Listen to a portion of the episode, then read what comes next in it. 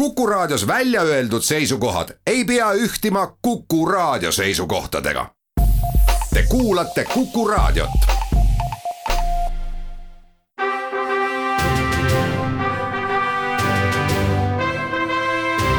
vahetund Tartu Postimehega tere päevast, head sõbrad, Vahetund Tartu Postimehega kahekümnendal aprillil oleme nii nagu juba viimastel nädalatel tasapisi traditsiooniks kujunenud, selle saate hekseldanud õige mitmeks tükiks, sestap on siit saate-eetrist vestlusringist läbi astumas ka päris mitmed meie toimetuse ajakirjanikud, mina olen Rannar Raba, Tartu Postimehe peatoimetaja ja minu kohustus on ka seda saadet vedada, nii nagu ka varasematel kord, kordadel reeglina ja esimeseks külaliseks olen palunud kolleeg Jens Raaviku, keda esmakordselt ilmselt meie ajakirjanikuna saite kuulda eelmisel nädalal, nüüd vahepeal on ähm, mees kõvasti tööd teinud ja nii, nii mõnegi äh, uue värske looga Tartu Postimehe nii paberis kui veebis hakkama saanud ja ühest neist tahakski äh, siin sissejuhatuseks äh, kõneleda. see ilmus siis eile ja, ja kannab pealkirja Haigla teenib rasedatelt lisaraha tuleb äh, tunnistada kohe, et tegelikult on see noh, suhteliselt äh, oma noh, nii-öelda mahult väike teema kui kõrvutada seda äh, suure pandeemia ja, ja, ja, ja inimeste suremuse ja haigestumise ja tüsistuste ja igasuguste muude selliste tõsiste hädadega, mis äh, meid igalt poolt painavad, kuni selleni välja, et elu ei ole normaalne enam juba tükk aega olnud päris igas valdkonnas. et siis võiks ju öelda, et, et millega te seal ajalehes tegelete, et, et kas teil nagu millegi olulisem ka, ka ei ole maadelda, aga ma arvan, just nimelt seesama küsimus on ka piisav põhjus, miks me praegu siin selles saates peaksime rääkima. et ole hea, Jens, seleta põgusalt nüüd ise lahti, milles selle loo äh, nii-öelda uba on äh,, mille üle keegi kurdab ja miks sinu arvates on see oluline, et ka ajalehes kajastada ähm,? tähendab, loo peamine mõte ongi selles, et kuidas äh, hetkel ei saa laste isad minna kaasa ultrahelisse laste emadega ja noh. et ikkagi puutumus pandeemiaga on ju otsene. selles mõttes pandeemiaga otsene ka kindlasti, kuna praegu räägitakse hästi palju vaimsest tervisest ja kui igasugused piirangud, eriti mis puudutab su enda lapse sündi, kui äh, sellised kehtestatakse, millest sa täpselt aru ei saa ja kui sa pead veel maksma mingite asjade eest, mis nagu äh, noh, võiks olla ju tasuta, eriti praegusel ajal, kui kõik äh, on tööd kaotamas ja raha kõigil vähe on, siis äh, noh, on natuke arusaamatu, miks haigla kasseerib nende inimeste pealt äh, ehk siis nendele, kes ise ei ole viimasel ajal peenikest peret soetanud olgu siis põhjus milline tahes ja neid võib olla õige palju. Äh, olgu siis seletatud, et praegu äh, küsitakse ähm, siis rasedatelt naistelt kakskümmend viis eurot selle eest, kui nad tahavad endaga kaasa viia, nad peavad vastuvõtul, eks ole, üksi käima, kui nad tahavad siis pereliikmetele eesotsas peatse isaga näidata seda, mida neile ultraheli uuringul ekraanilt näidati, see on ju juba aastaid olnud üks väga oluline ja üks emotsionaalsem olulisemaid osi lapse väljakandmise nii-öelda protsessis ja, ja seda sugugi mitte ainult raseda naise enda jaoks, vaid äh, enamasti ka lähedaste jaoks, sest seda esimest pilti tahetakse ju ikka näidata ka, ka, ka neile, kellega igapäevaselt kõige rohkem suheldakse, et nüüd siis selle eest tuleb kakskümmend viis eurot maksta, kui sa tahad selle, sa pead nii-öelda pildi välja ostma, samal ajal ei võimaldata ka sul seda, et sa noh, nii nagu tänapäeval kombeks kõiki asju klõpsida oma mobiiltelefoniga, seda sa ei tohi sealsamas ruumis teha. Ja nüüd see ongi siis äh, mitmete rasedate puhul tekitanud küsimused, et kas sellist ähm, noh, ütleme siis ahistavat äh, meedet on sellesse protsessi tarvis, et, et esiteks ma saan aru, küsimus on nendel see, miks ei võiks ma ise siis mööda minnes sealt ekraanilt selle pildi teha, kui see tehniliselt nii võimalik on, ma täpselt ei tea, eks ma olen ka käinud omal ajal kaasaga eh, sellise protseduuri juures, ma kujutaks ette, et see vist väga keeruline ei tohiks olla. või teine variant on siis see, et miks ei ole võimalik eh, ikkagi kuidagi seda, seda pilti saada tasuta kätte, ma saan aru, et kui seda tahetakse mälupulga eh, ka kaasa anda füüsiliselt inimesele, sisuliselt tähendab see seda justkui nagu foto paberi peale välja prindituna antakse kaasa, mis see mälupulk siis nii väga teistmoodi asi on et vist meilitsi otse aparaadist saata ei, ei saa, et noh, siis see on ka põhjus, miks äh, tahetakse, et, et selle eest tuleb äh, raha välja käia. et aga millised need sinuga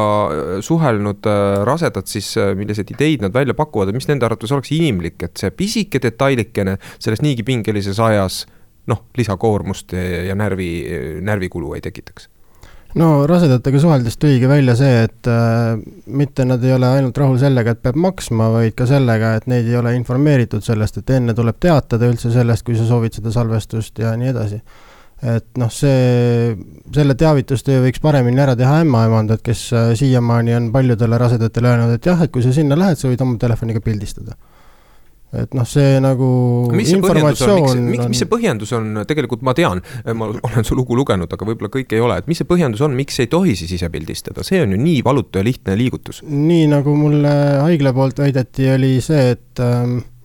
see toob äh, haiglale lisatööd ja noh, eriti arstile, kes siis peaks õige nurga alt hakkama last pildistama ja nii edasi aga... ehk siis häirib lõppude lõpuks et see häirib äh, arsti tööd. keskendumist põhitegevusele, mis seal ruumis tege-, äh, käima peab. kuigi noh, mm, hiljem, kui see lugu välja tuli, siis kirjutasid mulle ka mitmed rasedad, et kes on saanud niimoodi pilti teha, et nad ei saanud aru, et mis, mis värk sellega on, et äh, miks osades kohtades saab ja teistes kohtades ei saa mm. -hmm. no vot, ja nüüd me olemegi jõudnud öö, äh, oma põhjendava jutuajamise selle, selle nagu noh, nii-öelda resümeeni, et miks see on üldse oluline näidata seda, minule nagu väga see lugu meeldis, mulle väga meeldis see, et sa selle toimetusse tõid ja et ka lehelooks vormistasid just sellepärast, et see näitab üht pisikest killukest meie igapäevases elus, äh, mille peale need, kes vahetult sellega kokku ei puutu, ei oska võib-olla isegi tulla. aga kui palju üks pisikene noh, selline häiriv moment võib äh, muuta kellegi jaoks äh, elu raskemaks? See, et nad üldse, et, et sul, et sul õige mitu rasedat sama asja kurtis, äh, ju kinnitab seda, et, et, et häiritud on mitmed inimesed ja seda muuhulgas ka seda kahtekümmet viite eurot ei pea tänapäeval kõik sugugi mitte nii-öelda näpuotsa rahaks, et see võib, nagu sinu looski, mõne inimese jaoks olla noh, eriti arvestades seda, et ka praegu on ju töötus kasvamas. Eh, ja, ja sissetulekud kindlasti nii mõneski, nii mõnegi noore, mõnes noores peres on oluliselt kahanenud, et see kakskümmend viis eurot võib olla ka nädala toiduraha. et me ei saa ka seda ala, alatähtsustada siin, et noh võib-olla mõni arvab, et kakskümmend viis eurot äh, ei ole nagu midagi. et noh, lihtsalt, et äh, tuua nüüd äh, siia see inimlik pool välja, et, et olukorras, kus me kõik oleme häiritud sellest, et elu ei saa normaalselt äh, igal pool elada, siis äh,, siis võiks vähemalt nendes pisidetailides, mida, mida annab hõlpsasti korraldada valutuks, võiks siis seda ka teha. eriti sellistes elulistes igapäevaselt ja vältimatutes tegevustes. jah, ma just mõtlengi seda ka, et miks mälupulk seal linnas peab olema kui oleks võimalik võib-olla inimesele meili peale saata need pildid, et selle Otsa. asja saaks palju odavamaks ja valutumaks teha rasedatele ja nende lähedastele, et praegu see lihtsalt on natukene liiga kõrge hinnaga ja, ja noh, äh, paljud ei ole just sellega rahul, et, et äh, nad nagu justkui oleks kohustatud hetkel selle välja käima, sest isa kaasa ei tohi minna mm. -hmm no üks äh, nüanss, mis võib-olla mind selles loos äh, häiris, äh, kui ma lugesin nende allikate muljeid, kes sinuga vestlesid, nad selles loos me leppisime kokku, et me võimaldame neil olla anonüümsed. Et noh, lihtsalt mitte tunda ebamu-, ebamugavustunnet oma ämmaemanda või, või arstiga või, või teiste meedikutega no, kokku puutudes, et et üks, mis mind häiris muidugi, oli see, et natuke tuli sisse seda juttu, et, et, et me oleme nüüd nii häiritud, et hakkavad meenuma meile need ebameeldivad kogemused, mida meile on vahendanud meie emad või vanaemad nõukogudeaegsest äh, sünnitusabist, et noh, siin ma tahaks küll arvata ma nüüd arvan jällegi lihtsalt olles ise ka näinud äh, õnneks mitte väga paljude aastate tagant äh, eest äh, väga lähedalt paari lapse sündi, need, need mu oma jaod. ja noh, olles ka hiljuti suhelnud inimestega lähedaselt, kes, kes on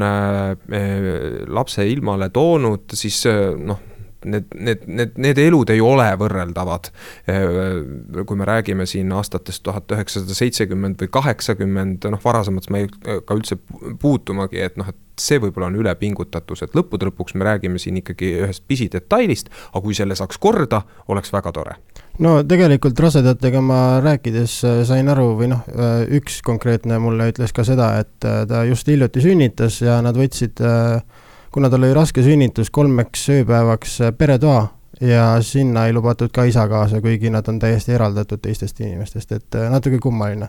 et see natuke meenutab äh, küll seda, kui äh, ma ei tea, mööda vihmaveerenni pidi rasedale lilli tooma aknast, et lihtsalt ei lubatud kedagi. no on nähtud siin ka isasid, kes tõstukiga käivad akna taga. nii ta on jaa, aga see on natuke naljakas hetk praegu tegelikult tublid isad igal juhul. hea küll, peame võtma selle teema praegu siin kokku, panema punkti, käima reklaamipausil ning siis vahetame juba teemat selles saates.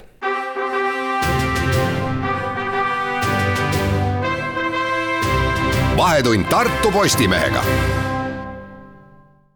saade jätkub mina olen Rannar Raba ning nüüd on mul suur rõõm tutvustada taas ühte uut inimest meie toimetuses, Liina Ludvig, ajakirjanik, reporter, kirjutaja, maailma uurija on ju nii? No loodame ja, et oled alles paar nädalat meie toimetuses töötanud, see oli ka üks põhjus, miks ma palusin äh, su täna siia toimetusse, et meie kuulajad ja lugejad siis äh, raadioeetri vahendusel saaksid ka su hääle tuttavaks. aga tegelikult äh, päris põhjus on ikkagi see, et äsja eilsesse Tartu Postimehesse said sa siis maha ühe väga olulise käsitlusega, mis siis tugines ennekõike vestlusel Tartu Ülikooli rektori Toomas Asseriga Äh, aga noh, tegid loomulikult äh, pisut laiemat taustatööd ka selle jaoks ja see puudutab äh, loomulikult siis kõrghariduse ja teaduse rahastamist. see on selline noh, kuidas ma siis ütlen, selline nagu paha uni, mis ikka ja jälle tuleb peale, ka siis, kui sa arvad, et sa oled sellest saanud mingil hetkel värskena tõusta. aga see, kuidas meie kõrgharidusele ikkagi ei jagu sedavõrd palju äh, raha, et äh, kõik olulised erialad saaksid äh, hästi ja, ja tõrgeteta õpetatud ja et nende taustal ka siis teadustöö edeneks ja areneks ning jõuaks ka lõppude lõpuks siis ettevõtete kaudu reaalsesse ellu. et see noh, ma, ma tahaks kahtlust avaldada, et isegi kui valitsus riigieelarve kontekstis teeks kõik rauad lahti. Ja mis tahes soovunelma nad täidaks, siis see saaks olema, olla ikkagi valdkond, mida ikkagi täiel määral rahastada ei õnnestu. aga praegu on äh, siis äh, käsitluse peamine ajend see, et äh, just see hariduse pool, kõrghariduse pool on taas sattumas kesisematesse oludesse selle tõttu, et on olulised muutused toimumas nii-öelda eurorahastuses. seleta nüüd palun kuulajale pisut üle, et mis oli see peamine sõnum, mille sa sealt Asseri juurest tõid meie leheveergudele mm? -hmm. et ähm jah, nagu sa mainisid eurotoetust, siis äh, euro, Euroopa Liidu toetusfondide eelmine periood, mis algas siis kaks tuhat neliteist ja lõppes eelmine aasta, kaks tuhat kakskümmend. Äh, uue perioodi alusel on äh, kõrghariduse ja teaduse toetused pisut väiksemad et tegelikult võib-olla isegi see raha, mis, mis siis Euroopa Liidust tuleb, on suurem, aga nende fookus siis sellel perioodil on, on rohkem suunatud äh, majanduse arengusse ja ülikoolide ja, ja siis teadusettevõtete koostöösse. et kõrgharidus siis mingil määral kannatab nüüd järgmised seitse aastat. ehk siis ma saan aru, äh, et äh, see tugi, mida sellistest avalikest struktuurifondidest on võimalik saada, tuleb peaasjalikult siis selle jaoks, et äh, noh, noh piltlikult öeldes mingite ähm, siis äh, teaduslike mm, uurimiste, muude algatuste nii-öelda iduettevõtluseks suunamine või juba olemasolevate toimivate äh, ettevõtetega koostöös mingi reaalse käega katsutava tulemuseni viimine saab olema see peamine fookus. ja sealtmaalt, kus me räägime lihtsalt sellest, et kuidas siis õpetada sotsiaalteadusi või, või, või, või, või lihtsalt keemiat või füüsikat või, või mingisuguseid muid selliseid nii-öelda alusteadusi, siis see on natukene siis äh, kuidagi nagu äh, rõhutud olukorras. see oli nüüd minu lihtsustatud äh, kirjeldus, kas see vastab tõele? jah, nende valdkondade pärast tasuks mures olla küll. et nende tõukefondide fookus on selline märksõna nagu nutikas spetsialiseerumine. ja, ja see siis endas hõlmab äh, info- ja kommunikatsioonitehnoloogia arengut mm -hmm. peamiselt. et tõesti sotsiaalteadused, humanitaarteadused ja ka alusteadused mainis siis äh, ülikooli rektor Toomas Asser. et äh, nende rahastamisele tuleb tõsiselt mõelda Mhm. no ja tavaliselt, kui need jutud äh, jälle laua peale tõstetakse, siis äh, hakkab kohe arutelu ka selle üle, et noh, et kui palju meil peab ikkagi siis seda tasuta kõrgharidust olema. et kas võib-olla peaks siis ikkagi vähemalt osaliselt kõigi õppurite peale nende, nende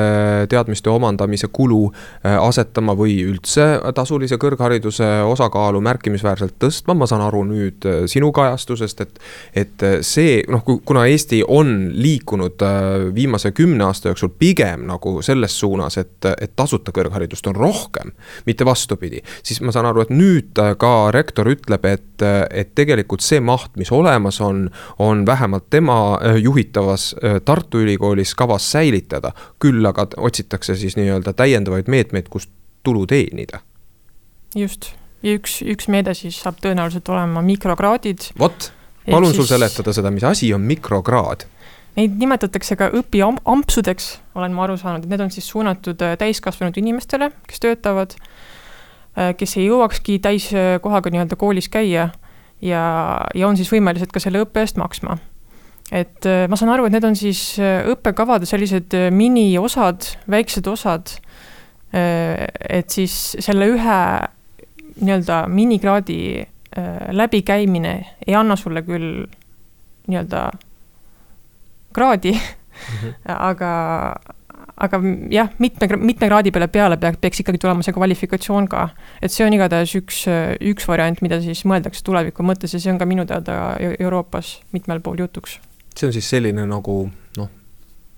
hariduse puhul vist see kõlab halvasti, teenus, aga ta on ikkagi üks siis selline täiendav tulu teenimise mehhanism, mida otsitakse juurde, see on lihtsalt üks näide nendest, eks. jah, ja noh, selles mõttes ta on selles mõttes natukene süütum variant, et, et tõesti, see on suunatud siis töötavale inimesele mm, -hmm. kes, kellel siis ei ole nii suur asi võtta see raha kui sa nüüd äh, sellesse teemasse süübisid ja rektoriga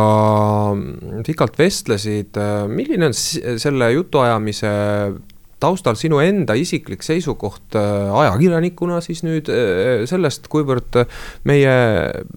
kõrgharidus Eestis siin kõige laiemas mõttes on üldse sellele riigile jõukohane, et alati, kui kuskil öeldakse, et millegi jaoks on raha puudu, siis esimene loogiline küsimus selle, selle tõdemuse järel peaks olema siis see, et kas meie kulud ei ole mitte liiga suured. noh, ja minu arvates ei tohiks ka, ka kõrgharidussüsteemi, noh, kõiki kõrgkoole, mis tegutsevad vähemal või rohkemal määral nii-öelda avalik-õiguslikel alustel ja ka teadust loomulikult pidada siin kuidagipidi pühaks lehmaks, et, et kõik, mis sellesse valdkonda liigitub, on ilmtingimata hea ja vajalik. mis sina arvad, on see adekvaatne, millega meil siin tegeletakse või kas kuskil kuskilt annaks ka kokku tõmmata? üks aspekt, mida ma ka ei jõudnud või tähendab, ei, ei mahtunud artiklisse, on see, et mitmes ülikoolis, ehk siis Tartu Ülikoolis, Tallinna Ülikoolis on mõned erialad dubleeritud.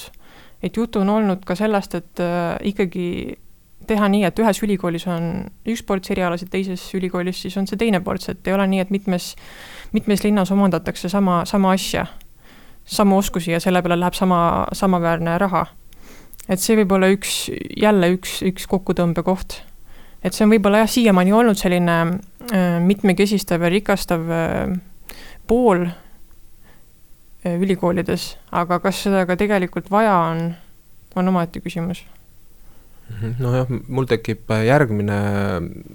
noh, nii-öelda küsimus siit selle pealt, et, et noh, et kui me arvestame ühte väga olulist põhimõtet, et meie kõrgkoolid peavad oma juhtimiselt olema ikkagi autonoomsed. Äh, vähemalt siis need suuremad, millest äh, enim räägitakse ja kuhu ka suurem osa siis maksumaksja rahast, tulgu ta siis Eestist või, või, või, või mujalt Euroopast, kulub, et siis noh, väga raske on neid niimoodi kuidagi laia lauaga lüüa kusagilt valitsuse tasandilt või noh, ütleme Haridus- Teadusministeeriumi poolt siis öelda, et mida keegi tohib õpetada, aga kindlasti siin mingisugused kokkuleppimise kohad on olemas. noh, ja ilmsesti siis peabki panustama siin praegu ennekõike sellele, et kõrgkoolid ise omavahel teevad piisavalt tihedat koostööd, mitte ei keskendu ainult konkureerimisele, mida mulle kohati tundub, on olnud ikkagi ka rohkem, kui tingimata tarvis on väikeses riigis.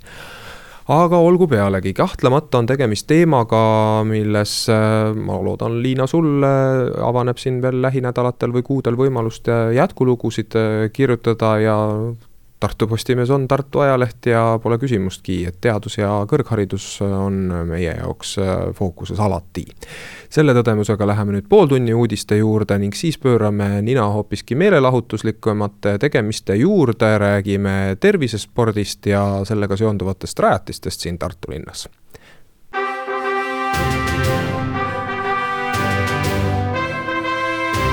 vahetund Tartu Postimehega. Tere tulemast tagasi Rannar Raba ning nüüd äh, minuga koos Madis Perli ja Jüri Saar, head kolleegid Tartu Postimehest, kes äh, on muuhulgas näiteks jooksusõbrad, üldse sportlikud ja aktiivsed inimesed. Äh, see on neile tunnustus lisaks sellele, et nad on tublid ajakirjanikud. ja olen nad palunud siia vestluspartneriks ajendatuna Madise poolt esmaspäevasesse lehte. noh, ja nädalavahetusel loomulikult ka veebis juba avaldatud ütleme siis nii, et see on ikkagi selline meelelahutuslik äh, käsitlus. Äh, selle meelelahutusliku käsitluse tõttu ja nii nagu sa talvisel ajal äh, meie kõigi ühiseks rõõmuks võtsid kätte Tartu ja lähikonna suusarajad läbi sõita, arvustada siis neid tingimusi, mis seal parasjagu tol nädalavahetusel või nädala lõpp oli see vist, kui sa seda tegid, seal valitsesid olgu siis juttu, ma ei tea, valgustusest, äh, lume kvaliteedist, äh, lume päritolust ja muust seesäärasest olulisest, mida vaba aja veetmiseks ja sportimiseks inimesed tähtsaks peavad, siis nüüd räägime jooksmisest, sest kevad on käes. Aga teema ei ole ju tähtis sellepärast, et jooksmine iseenesest kuidagi nagu ekstra püha oleks kuivõrd äh, sellepärast, et, äh, et aktiivne äh, vaba õhu liikumine on, on kahtlemata üks nendest tegevustest, mida on tarvis selleks, et sel hullul koroona ajal inimesed peast hulluks ei läheks,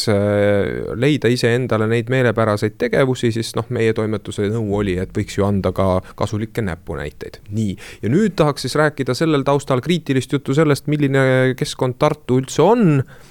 või kui mitte kriitilist, siis kiitvat juttu, minu pärast äh, laske aga tulla. Äh, mina pean ütlema, et jah, äh, vabas õhus liikumine ja, ja jooksmine ka vahetevahel, ütleme, see võib-olla ei ole jooksmiseks nimetatav, millega mina tegelen, aga sörkimine või lööberdamine või lonkimine on need tegevused, millega ma ikka aeg-ajalt tegelen, aga ma kindlasti noh, teen seda tavaliselt väljaspool Tartut. nii et ma prooviks mitte eksperdina siin esineda ja olen rohkem kolleegide intervjueerija rollis, aga alustame, Madis, sellest äh, väikesest kokkuvõttest, sa äh, jooksid siis läbi, äh, te Jüriga kahe peale mõtlesite välja mingid viis distantsi siin Tartus, mida võiks siis arvustada. panid kokku sellise viiese edetabeli. ma ei hakka seda kõike siin loomulikult ükshaaval üle rääkima. jah, et tegelikult ju peamine on see, et joosta saab igal pool, et äh, selle loo eesmärk oligi tuua viis sellist äh, erilisemat kohta, kus, äh, kus siis tutvudagi oma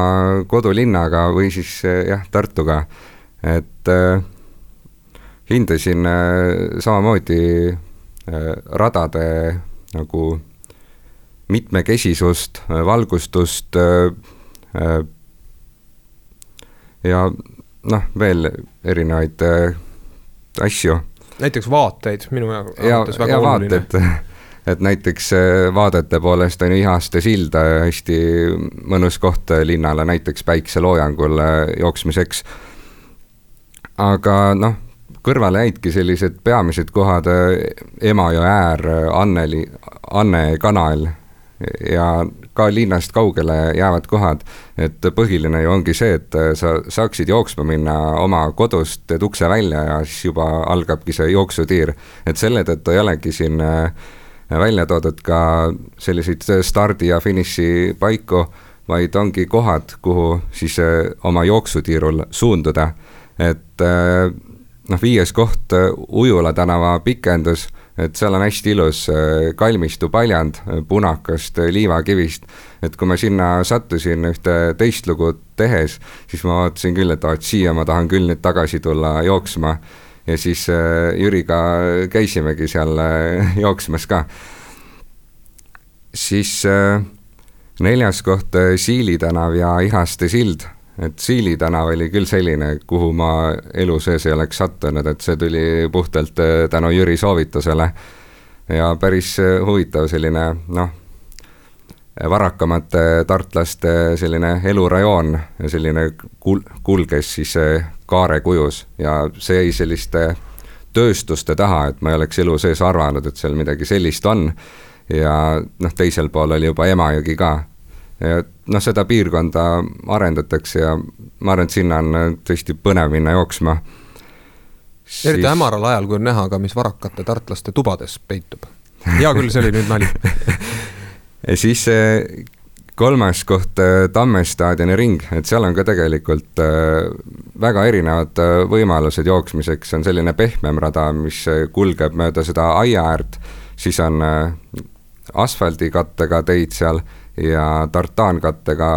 jooksuring ka ümber äh, jalgpalliväljaku. iseasi, kas seal võib jooksmas käia, seda ma ei oska öelda, aga ilmselt keegi ära ei aja.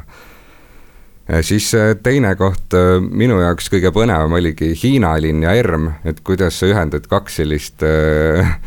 nii-öelda vastandlikku kohta, et Hiina linn oli selline hästi prügine ja noh, katkised kasvuhooned, klaasikillud olid maas, aga samas see maastik oli jalgadele kõige sõbralikum, selline mõnus, pehme, vetruv ja sellised maastikuteed. no prügi oli seal jah, tõesti palju, aga ma mõtleksin, et võib-olla terviserajad, selline organisatsioon tahaks sinna teha korralikuma tee, aga noh, tegelikult ei saa, et sinna kakskümmend kaks aastal tuleb siis korralik sõidutee ja kergliiklustee aga praegu on seal koridor olemas ja joosta saab äh, väga hästi. et kui Hiina linna sattunud ei ole, siis äh, tasub see jooksutir sinna võtta. ja esikoht äh, Tähtvere dendropark ja Lauluväljak, et just see radade valik, et võidki seal jänesematkarajal joosta, käia dendropargis jooksmas, siis on asfaltkattega need jooksuringid ja noh, rulliringid ja igasugused teed, siis lauluväljakul vaated on ilusad,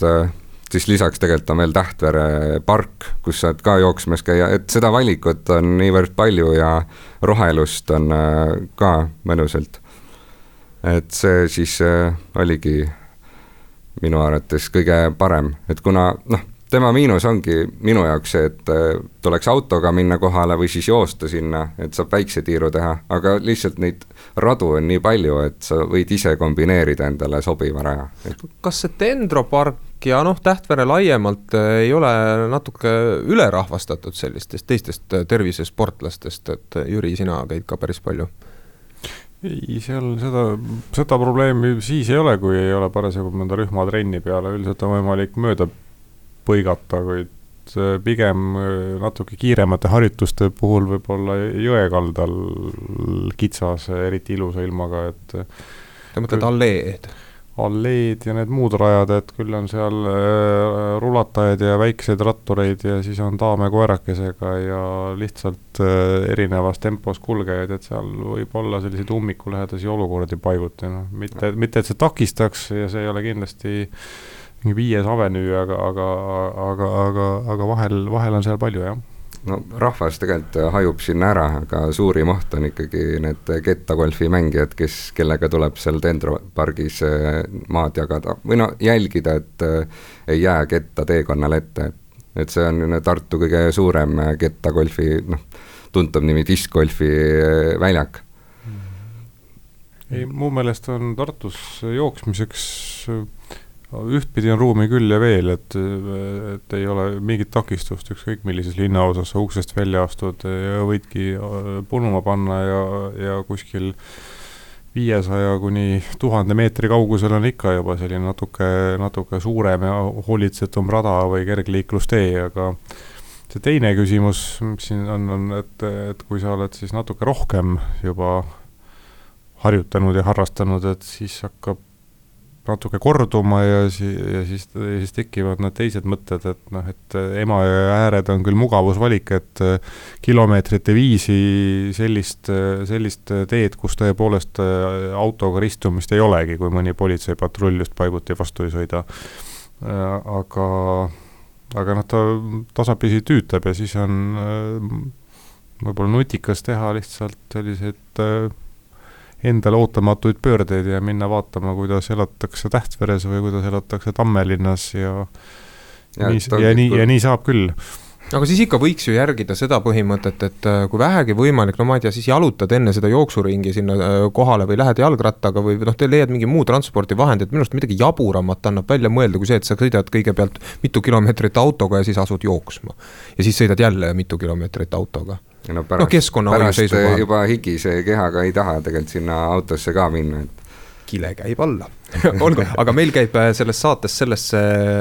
sellesse sekundisse ja minutisse, kus me praegu oleme, ka reklaamipaus, nii et pärast seda jätkame siis jälle avaliku ruumi ja sporti, sporditeemadel.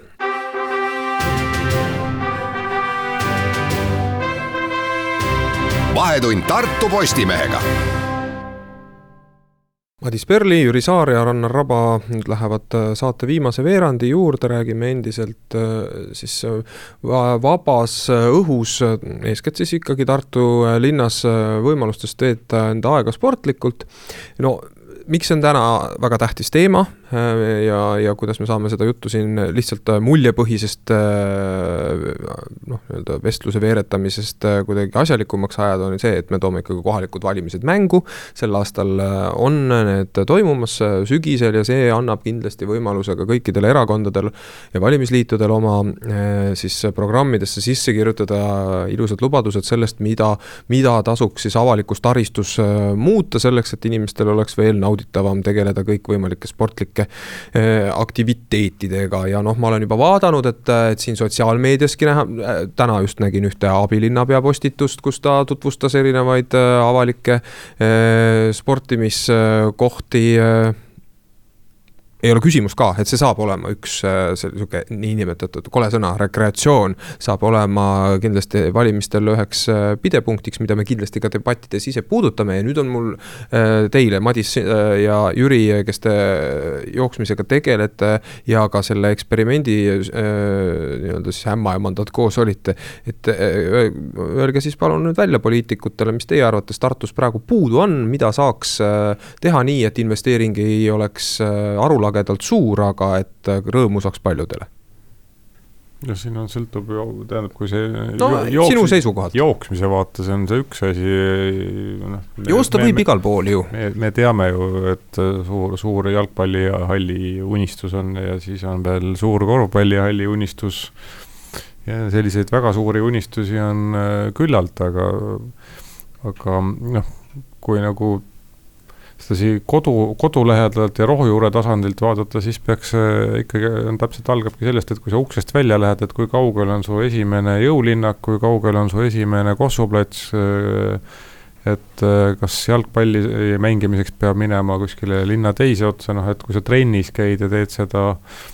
seda siis ütleme organiseeritult ja süstemaatiliselt on see üks asi, aga kui lihtsalt poisid lähevad õhtul välja ja tahavad mängida, et kus nad seda siis teha saaksid et sellist,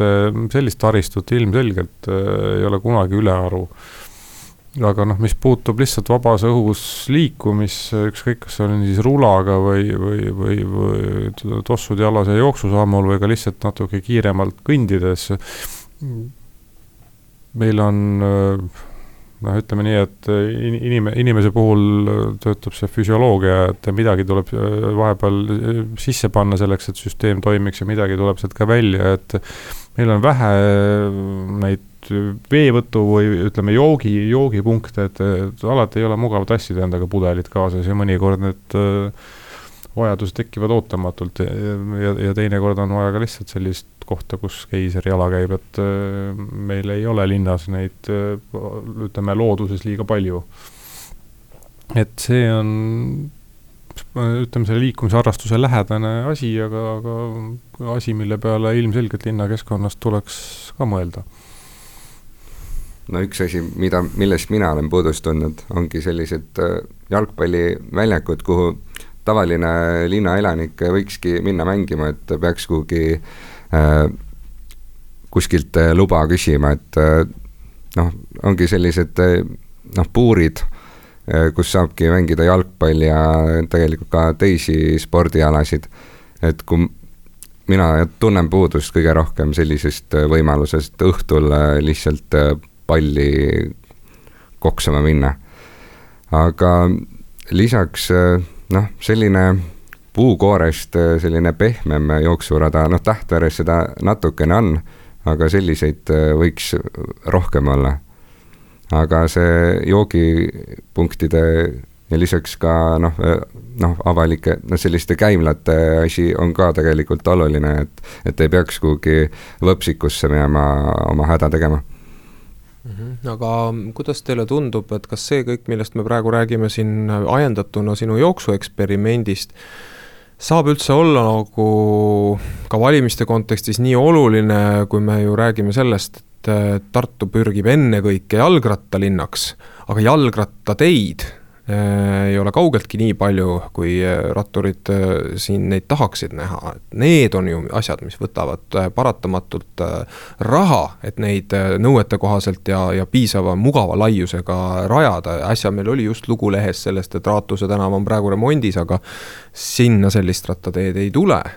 noh, jutuks on olnud, et siis on ka rahapuuduses peamine põhjus, et äh, äkki me peaksimegi siin ütlema, et hea küll, et tõesti, et noh, jooksta, joosta saab igal pool, et see on nagu selline loomingulise lähenemise küsimus ja küll sa selle kruusa, kruusase padja ka endale sinna jala alla leiad, aga sa teeks need rattateed kõigepealt korda no,. veelgi enam saab rattaga sõita igal pool, kus vähegi, vähegi siledam pinnas on, et linn, eriti linnatingimustes, kus sõidutee on kõikjal.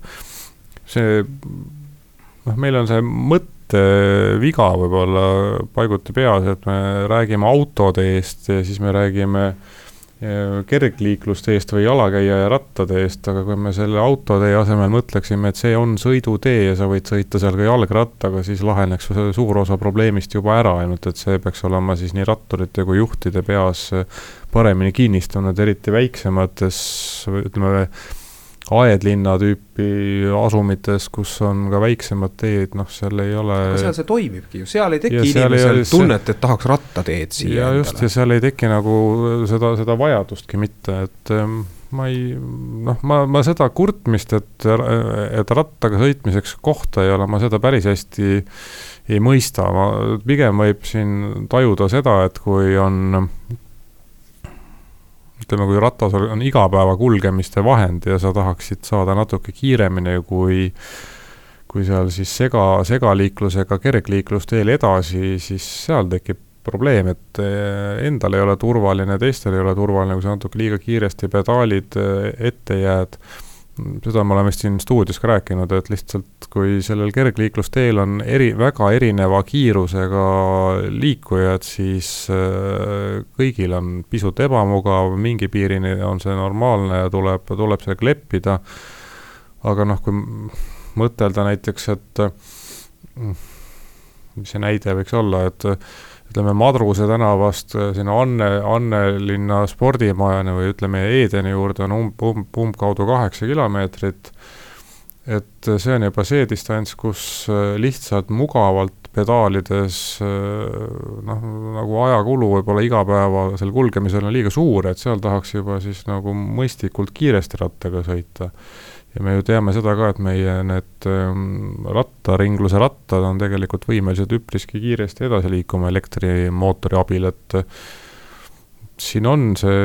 siin on see koht küll, mille peale mõelda. noh, ja siis teisipidi, et kui me ütleme, et ratta, ratturil peaks olema parem, siis mõnel kiirel jooksjal tekib, samamoodi tekib olukord, kus võiks olla parem, sest et no mõtlen, et kui ma näiteks Tallinnas jooksen mere ääres, seal Reidi tee piirkonnas ja, ja, ja, ja suunaga Pirita, siis ma pigem valin rattatee, sellepärast et mu kiirus sobib paremini kui siis kõnnitee peal. No mulle ka meeldib see suhtumine, et linnaruumis nende eraldatud tsoonide noh, kehtestamine ja väga täpselt näpuga järje ajamine, et siin käigu ja sõitku need ja seal nood ja, ja tolledega me lepime ainult nendes konkreetsetes koridorides, et see küll hea mõte ei ole, et, et selline dünaamiline ja mugav linn on ikka see, kus sa põhimõtteliselt igale poole võid mis tahes sõiduvahendiga minna, aga see, selle tingimuseks on see, et inimesed oskavad käituda aga jällegi nüüd äh, siiapoole tulles sõitsin Vabaduse puiesteel äh, rendirattaga, tagant tuli kaubik ja siis tuli liinibuss ja ega ma ennast liiga mugavalt ei tundnud seal, see ei, ei, ei ole väga turvaline. no vot, see oli minu rattateede küsimuse ajend. Madis, on sul poliitikutele veel üks saate lõpetuseks üks lühikene pöördumine teha? ikkagi jooksurajad? ikka jooksurajad et Emajõe äärt äh, alati saab ju edasipoole teha, et äh, siis, kui mina Tartusse kolisin, siis äh, umbes Lodjakojaga sai Tartu otsa, nüüd on juba selle Ujula tänava pikendus ja tegelikult sealt saab ju veel edasi minna, et. Ja nüüd Jüril on veel üks mõte. ei, ma tahaks öelda selle mõtte, et, et võib-olla paiguti selle asemel, et täiustada olemasolevaid liikumisvõimalusi, võiks mõelda sellele, et tekitada juurde uusi kohti, seesama Hiina linn ERM näiteks, see suund on selles mõttes väga hariv, et see on umbes kilomeeter või poolteist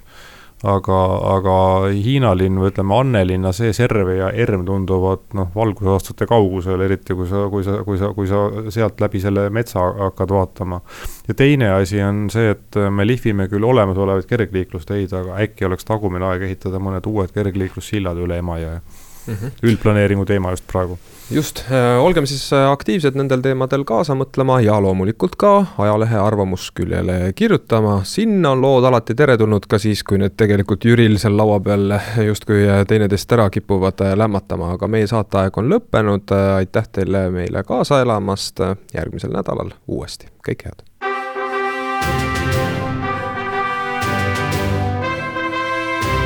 vahetund Tartu Postimehega